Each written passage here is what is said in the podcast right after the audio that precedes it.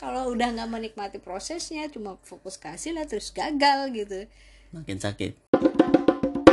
Bukan hasil dari perbuatan itu yang kau harapkan. Aloha, selamat datang di Sinar Kawan Kawin episode terbaru. halo halo. Nah, teman-teman, dalam obrolan Sinar Kawan Kawin terbaru ini kami mau membahas beberapa eh kok beberapa sih pengalaman kami dalam apa ya? memahami sebuah filosofi kehidupan yang kami taunya udah lama tapi baru sadar sekarang gitu. Gimana sih maksudnya? ya pokoknya ada sebuah filosofi hidup yang baru-baru ini aku sendiri baru memahami maknanya lebih dalam lagi gitu loh Hmm, dan mungkin ada perasaan yang merasakan sendiri itu keadaan itu gitu. Hmm, oke oke. Jadi apakah filosofi hidup ini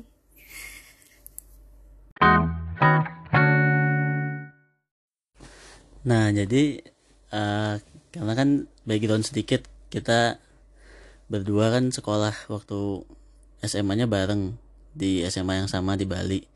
Itu nama sekolahnya SMA 1 Denpasar negeri pak. SMA negeri Ya. satu pasar memang ada SMA satu swasta nggak ada kan? Iya Ya tapi udah. kan namanya harus lengkap dong. Kalau SMA satu dan pasar kan jadinya semasa bukan semansa ayo. Ya boleh boleh boleh. Nah jadi eh, itu sebenarnya apa sih? Slogan apa moto atau apa ya? Moto kali ya? Moto, ya? Moto ya kalau nggak salah moto GP itu eh, sebuah Moto-moto. moto dari sekolah tersebut gitu. Dan murid-muridnya ya diharuskan eh, mengerti slogan itu. Menghafal tepatnya nggak sih? Ya lebih tepatnya menghafal tapi ya ada baiknya untuk mengerti kan dari awal sekolah dari ospek waktu dulu. Mos pak ya jadi ini eh, ya karena kita sekolahnya di Bali slogannya atau motonya itu berkaitan sama filosofi Hindu kan. Dan memang eh, kalau yang dari aku baca sih itu beneran dari Bhagavad Gita lebih tepatnya di bab 2 mungkin kalau ada teman-teman yang Hindu atau teologi kalau salah tolong dibenerin ya itu jadi ada empat empat baris ya berarti ya. Hmm, empat kalimat lah. Ini maaf ya bahasanya bukan bahasa Indonesia dikit. Karena Kok ini maaf? bahasa aslinya. Ya siapa Iya. tahu ada yang kaget dengerin kan. Malah minta maaf kan itu bahasa bagus. Iya sih. Jadi eh, filosofinya itu berbunyi karmani eva di karaste mapalesu kadacana makarma pala heturbur mate sangus tua akarmani nah artinya kalau dalam bahasa Indonesia hanyalah berbuat untuk kewajibanmu saja. Terus bukan hasil dari perbuatan itu yang kau harapkan. Nah, terus jangan sekali-sekali pahala yang menjadi motifmu dalam bekerja, tapi jangan pula tidak bekerja karena tidak mengharapkan apa-apa gitu. Nah, yang waktu aku kuliah itu yang aku bener sebenarnya bait pertama kedua aja udah bingung gitu. Hanya bekerja untuk kewajibanmu hmm. gitu. Karena kan apa sih kalau zaman dulu ya mungkin sampai sekarang juga masih ya. Kalau orang kan bilangnya eh, kerja yang banyak gitu melebihi kewajibanmu segala macem terus eh, do the extra mile segala macam kamu nangkap nggak Hmm. nah maksudnya kayak gitu biasanya kan kita eh, bekerjanya harus memberi lebih lah oh gitu iya, Iya kan iya. Ah, banyak anjuran yang kayak gitu terus bait keduanya bukan hasil perbuatan itu yang kamu harapkan Mm-mm. Nah itu itu yang mungkin bertahun-tahun aku sebenarnya nggak ngerti-ngerti banget aslinya apa artinya atau maknanya. mungkin karena ini ya kita diharapkan untuk bekerja melebihi yang Mm-mm. kita diharapkan dari kita gitu tapi kitanya sendiri dituntut untuk kerja lebih tapi jangan berharap sama hasil dari pekerjaan itu gitu maksudnya gak sih Iya betul. yang bikin bingung Kurang maksudnya lebih itu kan gitu. maksudnya Jadi- kayak kita disuruh kerja eh, apa usahanya harus harus besar harus lebih gitu Mm-mm. dengan usaha besar atau lebih itu kan sebenarnya kalau pandangan umum itu berarti kita pengen hasil yang lebih gitu dong. Iya betul. iya ternyata tapi dalam filosofi ini tuh ya malah jangan berharap pada hasilnya gitu. Mm-mm. jadi eh, kalau apalagi paling kalau balik konteks ke konteks zaman SMA yang gampang ya belajar apa segala macam les. Karena tujuannya pengen masuk universitas top apa segala macam kayak gitu. Standarnya kan kayak gitulah waktu kita SMA dulu Iya, kan. iya.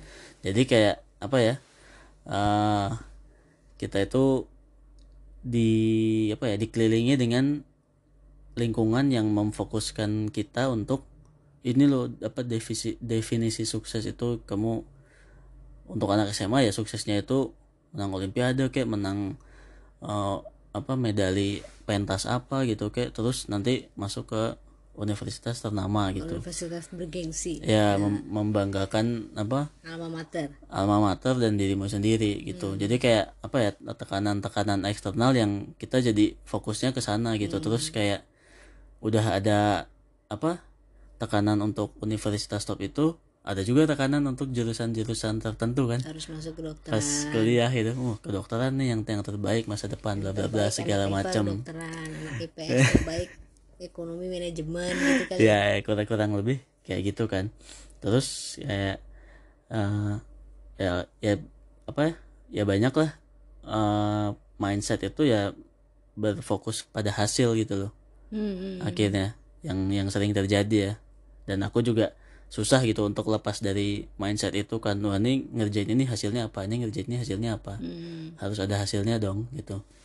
Apalagi begitu udah kerja di apa ya di lingkungan yang cukup cepat gitu kan ya semua harus ada hasilnya gitu. Entah lebih efisien atau lebih hemat biaya terus atau salesnya lebih gede segala macam. Hasil hasil hasil harus harus harus konkret kan namanya namanya bisnis kan kayak gitu nah terus beberapa tahun lalu aku karena sering follow tulisan-tulisannya si Ko Edward kan Edward Suhadi Hmm. yang sekarang apa lebih banyak karya-karyanya video-video iklan yang keren-keren. Nah beberapa tahun lalu kan dia eh, cerita tentang dia sama istrinya mencoba punya anak kan gitu. Nah ini ada sambungannya gitu. Jadi tenang dulu. Nah dia itu program bayi tabung. program IVF eh bayi tabung ya. Bayi tabung. Heeh. itu jauh lah pokoknya sampai ke Penang kalau nggak salah. Itu kalau aku lihat-lihat di blognya. Ini sih kalau dilihat di blognya di di tahun 2017 bulan September. Berarti ya hampir kurang lebih empat tahun yang lalu kan. Itu nah itu dokternya namanya dokter Dave. Dan dokternya itu orang India? Eh, aku kurang tahu pastinya sih tapi yang pasti dia eh, lumayan mendalami ajaran Hindu lah gitu namanya kayak orang India sih Iya sih, kalau dari mukanya ya emang agak ini juga ada di blognya Ko Edward pokoknya. Yang judulnya menuju hamil, makanya itu dibaca aja deh kalau ada yang minat. Nah ini langsung ke satu apa? Kan si Ko Edward sama istrinya berjuang buat punya anak kan, dan dia beruntung lah dapat dokter yang kayak dokter Dev ini gitu. Eh, kar- karena kan ya aku nggak tahu sih namanya orang mengharapkan anak kan aku belum sampai di situ gitu loh. Jadi aku belum bisa bener-bener mengempatikan gimana rasanya punya anak gitu. Tapi mungkin aku ada bayangan lah gimana kayaknya kita berusaha keras untuk suatu hal tapi nggak dapat dapat gitu mungkin sederhananya kayak gitu yang bisa dirasakan sama banyak orang gitu kan. Usaha ini ABCD sampai Z tapi hasilnya selama ini masih nggak ada kayak gitu. Nah si dokter ini dengan ajaran Hindunya dia uh, ngingetin lagi. Dan yang dia ingetin itu ya bener-bener maknanya karmani sih. Kayak yang dia bilang nah sekarang pakai bahasa Inggris. Karena dokter Dave bukan orang Indonesia. Dia bilang focus your mind on action alone but never on the fruits of your action nah dengan apa ya penafsiran seperti ini aku kayak ngerasa lebih nangkep maknanya karmani itu yang dijadiin slogannya semansa itu. Jadi Hmm. bekerjalah untuk kewajibanmu itu maksudnya kita fokus sama kewajiban kita. Gimana kita semaksimal mungkin ngerjain apa yang menjadi kewajiban kita apa yang bisa kita lakukan gitu. Jadi kayak fokus pada apa yang dilakukan bukan bukan fokus pada hasilnya gitu. Karena apa realitanya hasilnya itu eh, apa ya nggak semuanya nggak nggak semuanya ada di dalam kendali kita. Lebih kayak gitu sih. Hmm. apalagi kalau dalam kasusnya si Ko Edward ini kan eh, mau punya anak kan gitu. Jadi ya di si dokternya bilang ya kendalikanlah apa yang bisa kamu kendalikan gitu. Misalnya makan sehat apa segala macem gitu-gitu terus rapiin jadwalnya segala macem nanti ya kita lihat hasilnya gimana tapi harus sadar kalau banyak yang di luar kendali kita Hmm. kayak gitu terus di situ tuh apa ya aku bener-bener kayak eh, ngerasa ya refleks ke pekerjaanku sih kayak adalah yang pengen ku kejar gitu kan Hmm. dan ternyata eh, setelah sekian usaha nggak nggak ku dapetin gitu. Kayak gitu itu waktu itu kerasa banget gitu. Jadi ya apa ya eh ya udah coba tetap coba usaha fokus ke aksinya segala macam kan. Nah terus aku jadi keinget lagi sama yang apa kalimat selanjutnya gitu. Jadi kayak mana sih tadi? Jangan jangan sekali-sekali pahala yang menjadi motif dalam bekerja gitu loh Hmm. jadi apa ya jangan terus-terusan pamrih gitu aku, aku nangkepnya nangkepnya gitu ya jangan Gitu. terus-terusan Mm-mm.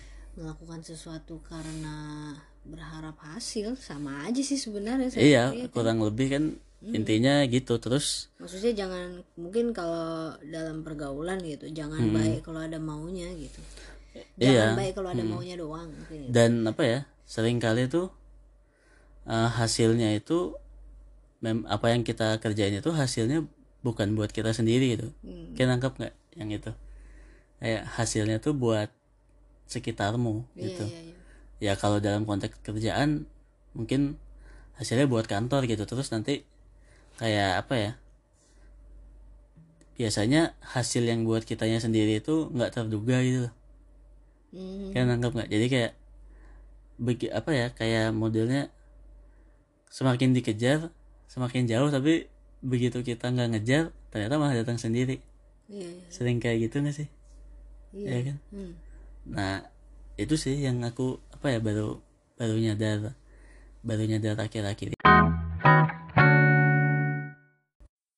nah yang baik selanjutnya kan apa dan jangan pula hanya berdiam diri.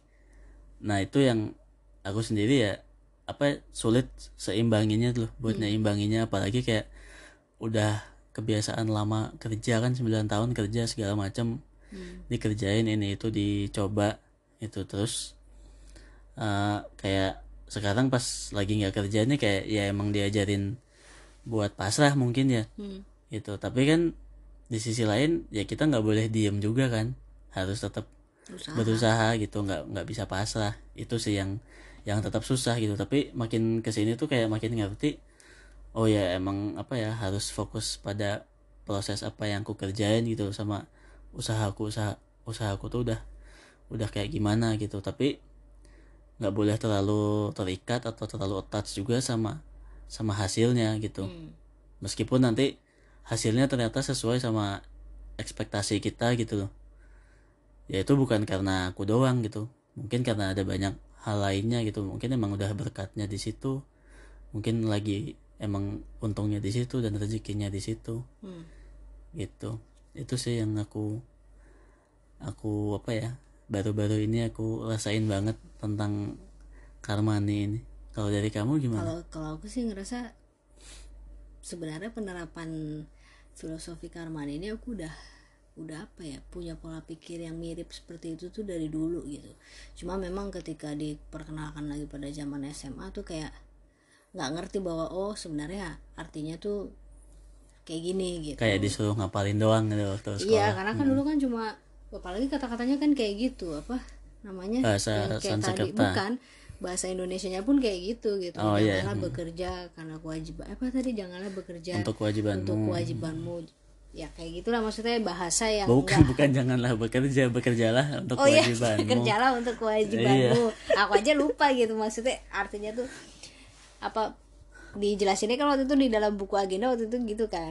Kerjalah untuk kewajibanmu jangan apa ya pokoknya begitulah bahasanya yang nggak ya menurut kita nggak harfiah gitu. Padahal kan kalau aku ber- apa memaknainya tuh sebenarnya sesederhana ikhlas gitu karma ini Iya sih. sesederhana ikhlas aja gitu Iya, benar-benar. kita melakukan sesuatu ada kewajiban ada juga yang istilahnya tuh ada tanggung jawab jadi dia Hmm. menjadi kewajiban ada juga yang nggak wajib buat kita lakuin tapi kita pengen aja kita lakuin gitu Hmm. dan apa namanya dalam melakukan itu tuh kita nggak jangan sampai terpaku sama maunya kita kayak ya kita yang tadi aku bilang sih kita ngelakuin itu karena ada maunya gitu. Ya. misalnya tuh kayak apalagi yang bait ketiga tadi itu kan jangan mengejar pahala intinya gitu kan. Mm. apalagi ya, ya contohnya kan banyak yang kita lihat. Orang sedekah nih. Sedekahnya tuh bukan karena mereka merasa ingin benar-benar berbagi gitu loh. Mm-mm. banyak kan tuh orang sedekah karena merasa dengan bersedekah nanti Tuhan akan kasih balik ke kita gitu loh. Itu- dengan kita bagi-bagi berkah ke orang nanti Tuhan akan kasih lebih balik ke kita dengan kita ngasih apa namanya sumbangan ke orang terus kita Share. foto-foto kita bagi-bagiin ke media sosial harapannya nanti orang akan semakin banyak nih yang berbuat baik tapi tujuan utamanya apa biar berkatnya balik lagi ke kita biar kita dapat pahala masuk surga kan itu contoh nyatanya gitu loh Iya, itu, itu ini apa? Jokesnya Chris Rock yang itu. Kick- Kickstart your bless apa? Kickstart a blessing itu. Jadi kayak eh, misalnya di jalan baru apa? Lihat ada manusia silver gitu. Oh, gue kasihan nih, gue kasih nasi, nasi bungkus gitu kan. Terus habis itu apa ya? Setelah memberikan nasi bungkus itu kayak wah, gue orangnya baik ya gitu. Terus lanjut ketemu temannya ngobrolin apa gitu terus diselipin terus tuh dan seharian itu diselipin terus eh lu tahu nggak gue tadi Ya, habis ini nih bagi nasi ke apa manusia silver di pinggir jalan. Gila kasihan banget. Untung gue masih bisa lah ngasih ngasih nasi bungkus nasi bungkus sepuluh ya ribu kan ada paling. juga orang yang kayak gitu iya kan. kayak itu kayak padahal kan ini banget. menurutku aku selalu berpikir ketika aku mau ngasih ke orang tuh karena aku lagi pengen ngasih aja gitu loh. Hmm. Ketika aku pengen berbuat baik gitu ya karena atas dasar kepengen aja bukan karena ada maksud gitu loh kayak ah pengen nyumbang ke orang nih biar ada tabungan buat masuk surga gitu enggak gitu loh. Kalau aku selama ini pengennya memandang seperti itu mungkin sekali dua kali kebobolan lah istilahnya kayak kayak tadi lah habis ngasih kembalian lebih misalnya ke supir Gojek. ke Gojek. Gitu. Terus dalam hati kayak baik banget gue ngasih orang lebih wah aku memang orang baik pembenaran gitu. Iya sekali dua kali pasti ada lah kayak gitu gitu cuma ya ya itu dengan dengan konsep filosofi karman ini mengajarkan aku untuk tidak membiasakan diri kayak gitu gitu loh nggak ada maksud di balik itu terus ya mungkin contoh lainnya tuh kayak penerapan karman itu aku ngeliat dalam hidup berkeluarga ya maksudnya dalam Hmm, sih. dalam berkeluarga Ya itu tuh. juga yang apa? Ya setelah nikah dan dua keluarga menyatu segala macam Iya, nih jadi baru kayak- kerasa juga. apalagi kayak yang udah punya anak ya. Maksudnya kan banyak orang-orang ngerasa kayak dia harus berusaha apa usahanya harus lebih dalam menghidupi keluarganya gitu kan. Terutama buat ngerawat anaknya dikasih yang terbaik lah segala macam. Saat ini saat anak itu masih lucu-lucunya masih sekolah apa segala macam dikasih segala kebutuhannya dipenuhi segala macam de- ternyata dengan harapan tertentu gitu.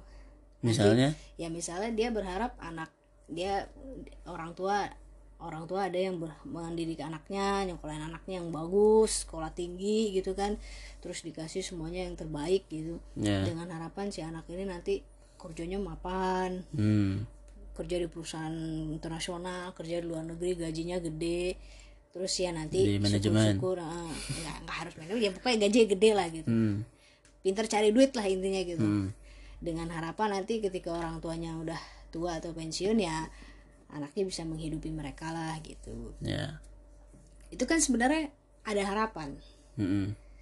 didik anak ini dengan harapan itu Ekspektasi. sebenarnya itu kan sangat wajar gitu cuma kan sayangnya adalah ketika karena karena menurutku konsep keikhlasan ini membuat kita jauh dari kata sakit hati gitu ketika Ya. kita naruh harapan gitu kan kayak ya wajar orang tua berharap ini anak udah gua rawat baik-baik harus inget gue dong sayang sama gue juga gitu Ya. nanti ketika dia udah bisa cari duit seenggaknya ingatlah buat hidupin gue juga itu sangat wajar gitu tapi ketika ternyata kenyataan yang nggak begitu karena suatu dan lain hal gitu. Misalnya Hmm. anaknya nggak bisa berbakti sebesar harapannya dia kan jadinya sakit hati gitu.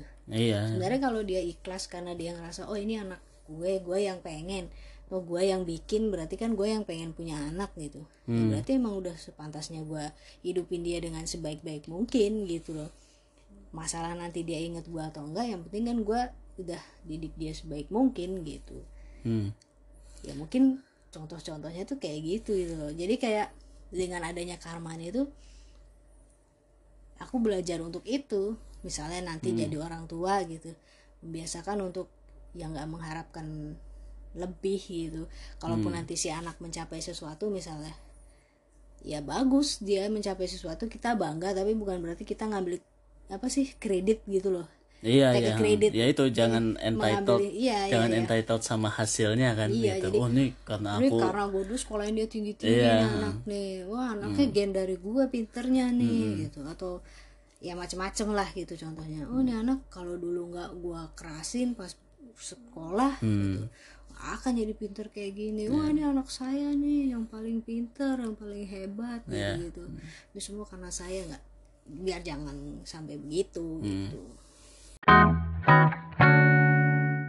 dengan apa ya karmani ini tuh aku kayak ngerasa semua tuh mulai dari diri kita sendiri dulu gitu kayak Hmm. ya kita perbaikin diri kita sendiri dulu gitu terus jangan maksa orang lain atau situasi di luar sana sama dengan maunya sesuai dengan maunya kita gitu Hmm. ya tuh apa ya kayak ya nambah nambah bikin sakit sendiri sih menurutku Ya, kayak karena tadi gue bilang ada sakit hati karena harapannya kan gak kesampaian iya iya be- ya berharap boleh sih tapi kayak Hmm. apa ya aku kayak semakin belajar kalau yang harapan itu penting sebenarnya iya itu hmm.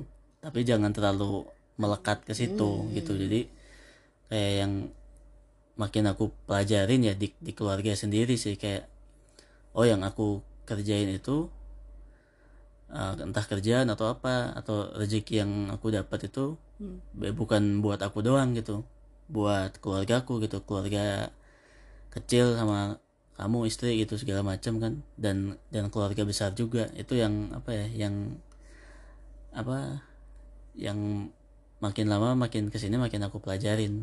Kayak ya, gitu. ya intinya sih kalau aku nangkepnya dari dulu ya itu baik terakhir ya kalau nggak salah yang apa sebenarnya kita aku menangkapnya adalah sebenarnya apa pun yang kita lakukan itu hasilnya bukan buat kita gitu. Itu bukan buat kita doang. apa ya? Kalau menurutku taf tafsiran lanjutan sih dari dari makna karmane itu iya gitu. maksudnya kan kita kerja dengan ikhlas. Kita Hmm. nggak berharap banyak gitu. Maksudnya harapan harapan ada. Tapi kalau Hmm. nggak kesampaian ya udah ikhlasin aja. Yang penting prosesnya ada pengembangan diri dalam proses itu gitu kan. Iya. Dan apa namanya? Anggaplah kita kerja cari duit gitu kita udah kerja sebaik-baiknya dapat gaji gaji segitu gitunya gitu terus ternyata ya karena suatu keadaan gaji segitu gitunya pun ternyata nggak buat kita sendiri tapi buat hidupin orang lain. Iya. Intinya kan tetap ikhlas gitu doang kan Iya sama apa karma makna karma tuh nggak melulu tentang karma pribadi itu loh. Hmm. ngerti nggak kayak maksudnya? Hmm. kadang-kadang kan dulu yang yang kita nggak tahu kalau kamu ya yang aku sering dengar kan kadang-kadang wah nanti seputar balas membalas tuh loh, karma tuh loh. Mm-mm. aku ngerti konsep karma tapi maksudnya dan ini ngomongin ya itu apa yang konsep karma yang seputar balas membalas tuh konsep yang sempit gitu loh kayak wah aku udah baik ya kayak itu tadi kayak ah, aku udah baik nih nyumbang ini ini nanti pasti Tuhan memberikan yang lebih lagi Hmm. kayak kayak gitu jadi kayak apa karma tapi pemahamannya milih-milih gitu loh oh ini tentang aku aku aku gitu Hmm. Nangkep nggak kayak bingung ya Heeh. bingung, Bingung ya nggak maksudku konsep karma yang banyak dikenal kan apa eh, karma baik karma buruk. menghasilkan karma baik juga kan Iya. tapi sering kali orang sempit dan, dan mungkin aku juga gitu loh Hmm. sempit ke karma baik untuk aku sendiri gitu loh padahal ternyata, Ternyata- karma baikmu sekarang mungkin dirasainnya sama orang lain gitu kurang lebih gitu padahal Hmm. waktu itu aku ada dengar di salah satu podcast yang si Rara Sekar sama yang orang Buddhis itu konsep karma itu yang lebih dalam sebenarnya karma yang kolektif gitu loh Hmm. jadi kayak apa yang kita lakukan itu dampaknya tuh ber apa ya multiplikasi bahasa kerennya dampak intinya tuh dampaknya ke mana-mana gitu. Iya dampaknya nggak- jadi berkali-kali lipat kan. Iya dan nggak cuma dan ke menyebar dan ke nggak banyak cuma ke pihak kita doang. iya. itu yang apa kayak menurutku tafsiran lanjutan dari filosofi karmani dan karma ini sih gitu. Hmm. dan nyambung menurutku nyambung sama yang kamu bilang itu tadi kadang-kadang orang berbuat baik karena di dalam hatinya dia pengen kickstart berkat buat dirinya sendiri gitu loh. Hmm. karena dia pengen eh Tuhan nih gue udah ngasih nih ke orang ini Hmm. lima ribu nanti lu kasih ke gue 5 juta ya Iya. kayak kayak gitu kayak aku jujur aja ya takut juga terjebak dalam kayak Hmm. gitu kan wah wah, aku udah oh, setiap bulan donasi ke sini nih gitu Hmm. berarti nanti ya kurang lebih Tuhan pasti lihat lah gitu Hmm. padahal ternyata apa ya pemahaman karma mestinya nggak sesempit itu gitu Iya, iya. kayak ya itu yang kamu bilang tadi lah ternyata misalnya kerja freelance apa segala macam rezekinya sekian dan ya ternyata itu emang berkat buat bukan da- buat bukan buat kamu doang gitu loh Hmm. tentu ya kita juga perlu pintar-pintar ngatur tetap ada porsinya buat kita lah biar tetap sehat jiwa dan raga kan tapi ternyata makin ke sini kayak makin nyadar ya esensinya itu bukan cuma kita doang gitu tapi buat Iya. ya setidaknya buat orang terdekat kita lah. Kayak gitu. Iya karena itu kan maksudnya konsep filosofi keikhlasan ini dalam Hmm. berproses itu kan sebenarnya akan sangat terasa kayaknya ya kalau menurutku ya ketika udah berkeluarga gitu. Ya nggak sih? Akan lebih terasa lah. Bisa jadi sih. Maksudnya kita lebih sadar akan itu tuh ketika ya aku juga berkeluarga ya makanya gitu. aku juga Karena baru kan baru nyadar akhir-akhir ini juga ketika udah berkeluarga kan tanggung jawab semakin besar kan hmm. terus ternyata apa yang kita dapat nggak jadi milik kita sendiri gitu Hmm. jadinya kayak makin nyadar oh ya ternyata emang mungkin kita hidup buat orang lain gitu Hmm. tapi toh dalam prosesnya itu kita belajar menjadi lebih baik gitu kayak di dalam Iya. proses kerja gitu misalnya ya mungkin kerja gajinya habis buat keluarga gitu ternyata Hmm. Tapi kan dalam proses kerja itu kita belajar banyak gitu. Cara manajemen Iya. lah cara pengendalian diri lah pengambilan keputusan apa segala macam. Itu kan pembelajaran yang kita bisa pakai panjang gitu. Dibandingkan duitnya ya dapat duitnya kan sebentar habis. Pelajarannya kan ya panjang dapat gitu. tanggal 25 mungkin tanggal satu udah habis. Tanggal 28 mungkin udah ini udah lagi. udah kalah sama notifikasi e-commerce. Mungkin belajarnya dari situ. Maksudnya aku juga belajar untuk ikhlas itu ya karena karena pengalaman untuk berbagi sama keluarga gitu hmm. terus aku juga paling ada berpikir ya itu kayak ketika udah berkeluarga tuh kan jadi harus apalagi kawin ya maksudnya udah memutuskan untuk ngajak Menikah. anak orang nikah gitu Hmm. terus punya anak lagi Hmm. kalau nggak nggak berpegang pada konsep keikhlasan ya pasangan sama anaknya pasti akan dianggap beban gitu. Karena proses dia mau maju tujuan hidupnya mau ke sini karena ada anak dan istri atau anak dan suami gitu misalnya ternyata menghambat pergerakan dia gitu loh. Dianggap menghambat kayak gue waktu lajang punya cita-cita ini nih tujuan hidupnya ini. Setelah menikah kok ternyata nggak bisa ya. Gitu. Ah nih semua gara-gara gue harus hidupin orang lain sih gitu Eh, apa yang aku rasa sih kalau pemikiran kayak gitu ya ego juga sih. Ya dan mungkin aku juga masih ada dan pernah ada gitu dan pernah kalah sama ego gitu kan. Jadi kayak ya jadi belajar banget sih kayak apa ya ya begitu apa ya pengen dapat pengen dapat yang lebih buat diri sendiri gitu. Walaupun pada akhirnya lebih juga buat yang lain gitu bukan buat diri sendiri doang kan. Hmm. tapi ya apa terburu-buru sedikit terus akhirnya ya udah di apa ya udah di ditahan dulu gitu sama semesta itu aku ngerasanya gitu. Udah nggak usah buru-buru gitu kayak kayak dikasih tahu gitu lah. Hmm. kerasanya sih gitu jadi kayak ya udah memang harus belajar ikhlas sama ngendaliin ego dan ya sadar gitu apa yang kita kerjain tuh sering kali buahnya ya buah apa ya buah langsungnya tuh ke sekitar kita dulu ke yang Iya. terdekat terdekat dulu nggak langsung buat kita jadi kayak kita kayak kerja pengennya apa ngarep naik cepet naik cepet cepet naik gaji lah Iya. dapat bonus promosi, segala Promosi, macam gitu ternyata apa ya sering kali mungkin prosesnya nggak nggak semulus yang kita ekspektasi gitu loh Hmm. dan ya itu sih harus ya pandai-pandai lah mengatur ekspektasi dan ya se- yang sekarang aku coba sih ya kayak gitu siapa sebisa mungkin fokus ke apa ya proses proses yang bisa aku lakukan gitu. Emang terdengar terdengar klise sih apa percaya pada proses segala macam gitu tapi kayak aku dari dulu selalu percaya pada proses. Iya kayak semakin tua makin kerasa gitu esensi dari sebuah kalimat klise itu itu percaya pada kalau proses aku dari gitu. dulu selalu berfo- berfokus berfokus pada proses karena kalau pengalaman hidup tuh banyak kan hasil akhirnya memang mengecewakan kalau aku ya. Dalam pengalamanku banyak hal yang mengecewakan gitu loh hasilnya. Hmm.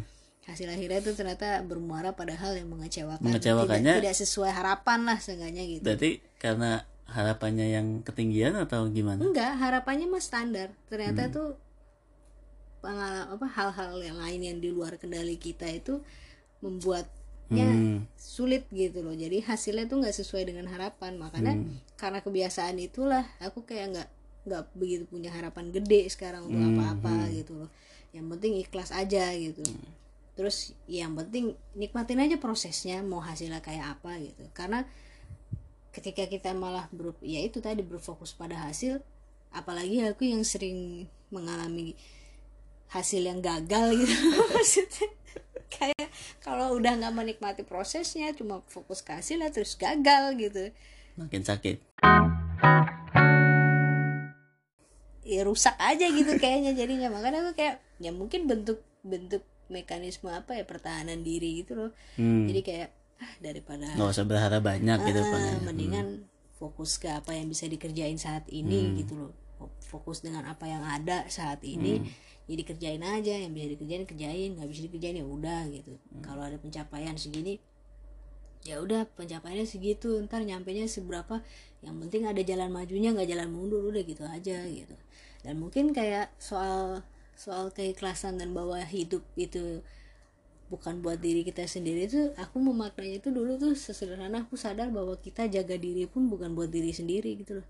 Hmm. Kayak kita naik motor sendirian malam-malam gitu. Orang tua kan bilangnya hati-hati ya di jalan gitu. Jangan jangan ngebut-ngebut segala macam. Kan ketika kita nggak ngebut eh ketika kita mau ngebut yang kita inget oh iya kalau ngebut ntar kecelakaan. Nyusahin orang tua bikin orang tua sedih. Bukannya karena aduh ntar kalau ngebut kecelakaan sakit aku takut mati. Kan jarang begitu gitu. Iya, iya. karena ketika kita udah mati ya habis kan iya. Kita nggak akan ya menurutku ya setelah mati blik gitu. Setelah mati ya udah kita nggak akan tahu sakit itu kayak apa. Kita nggak akan tahu orang tua itu sesedih apa. Tapi kalau begitu kita kecelakaan luka ternyata ngerepotin orang tua. Terus harus belum keluar duit lagi biaya bayar ini itu. Udah keluar duit dimarahin lagi? Ya aku kayak gitu. sih eh aku pernah sih kayak aku kayak gitu kecelakaan. Udah kecelakaan jatuh sakit ya udah motor rusak Ya, ya itu kan tapi bisa jadi suatu motivasi juga untuk orang lain maksudnya.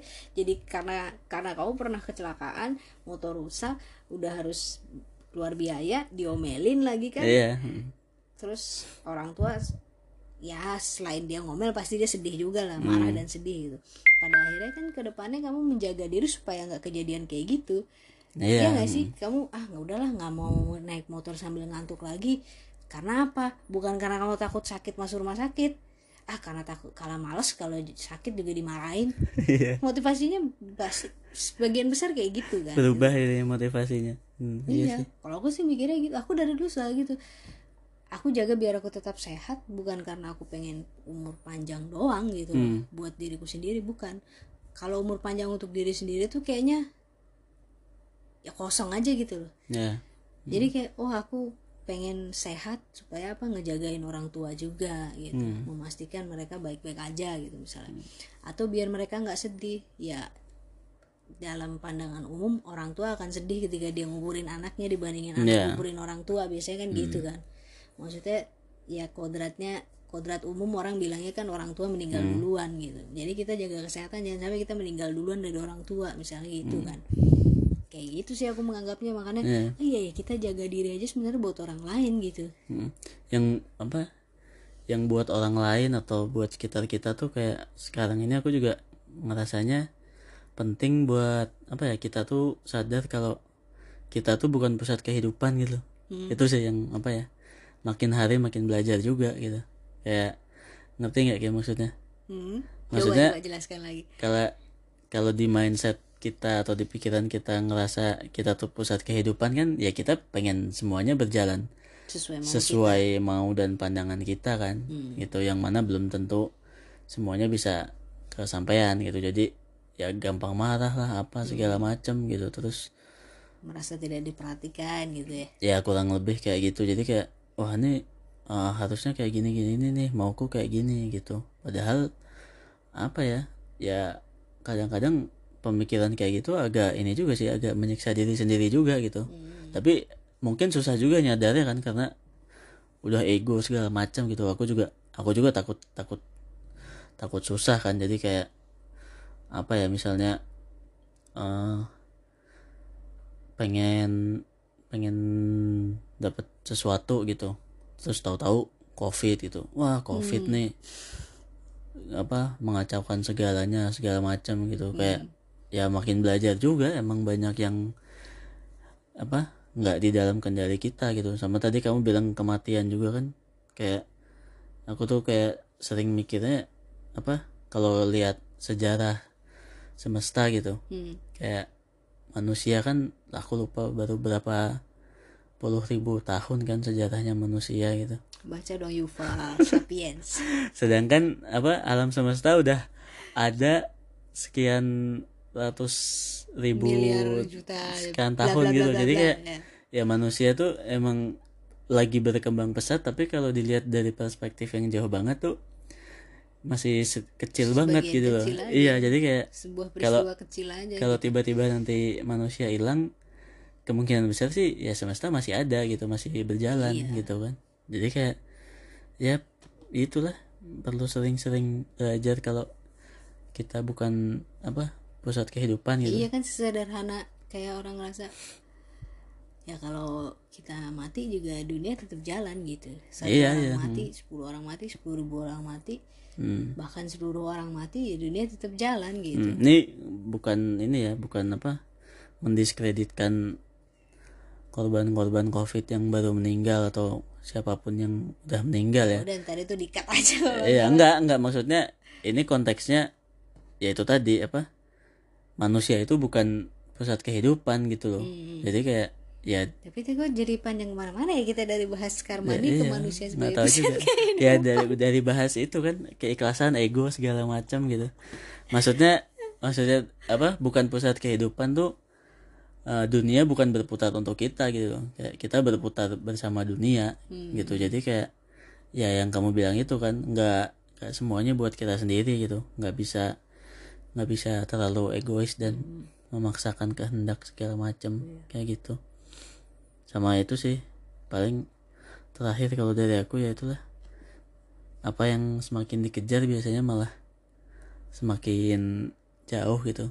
Atau suatu saat begitu dapat dapatnya cuma sebentar gitu. Hmm. terus menjauh lagi gitu. jadi ya semoga menemukan itu- keseimbangannya. itu me- me- apa namanya? Kayaknya me, me apa ya? Me, me apa sih istilahnya tuh? Kayak menjadi sebuah antitesis dari pemikiran umum gitu.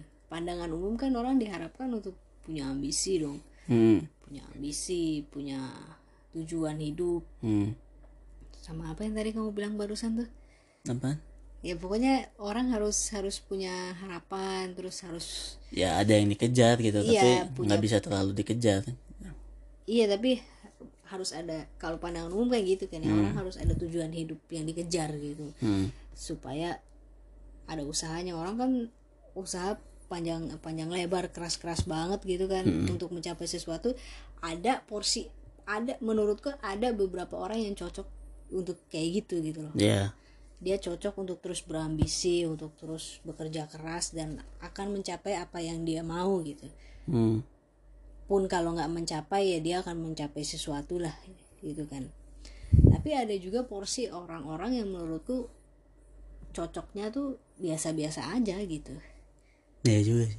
Ya kan? Maksudnya yang yang punya harapan secukupnya yang apa namanya dia berusaha sekeras apa pun ya nyampenya segitu-segitu aja gitu. Ternyata dengan dia biasa-biasa aja dia bisa mencapai sesuatu tuh ada aja kayaknya porsi-porsi orang yang kayak gitu gitu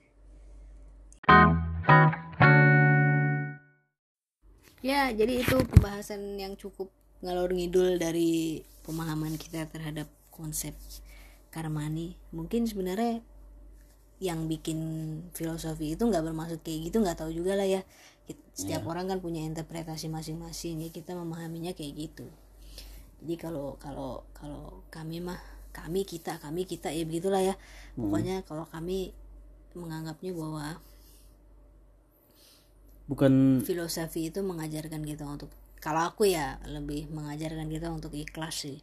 Ya dan bukan hasil dari pekerjaan itu yang kau harapkan. Iya. Karena hasilnya biasanya dibagi-bagi ke orang tua dan saudara dan teman-teman dan orang-orang lainnya. Oke. Ya udah segitu dulu ya. Mhm. dah. Dah Thank you.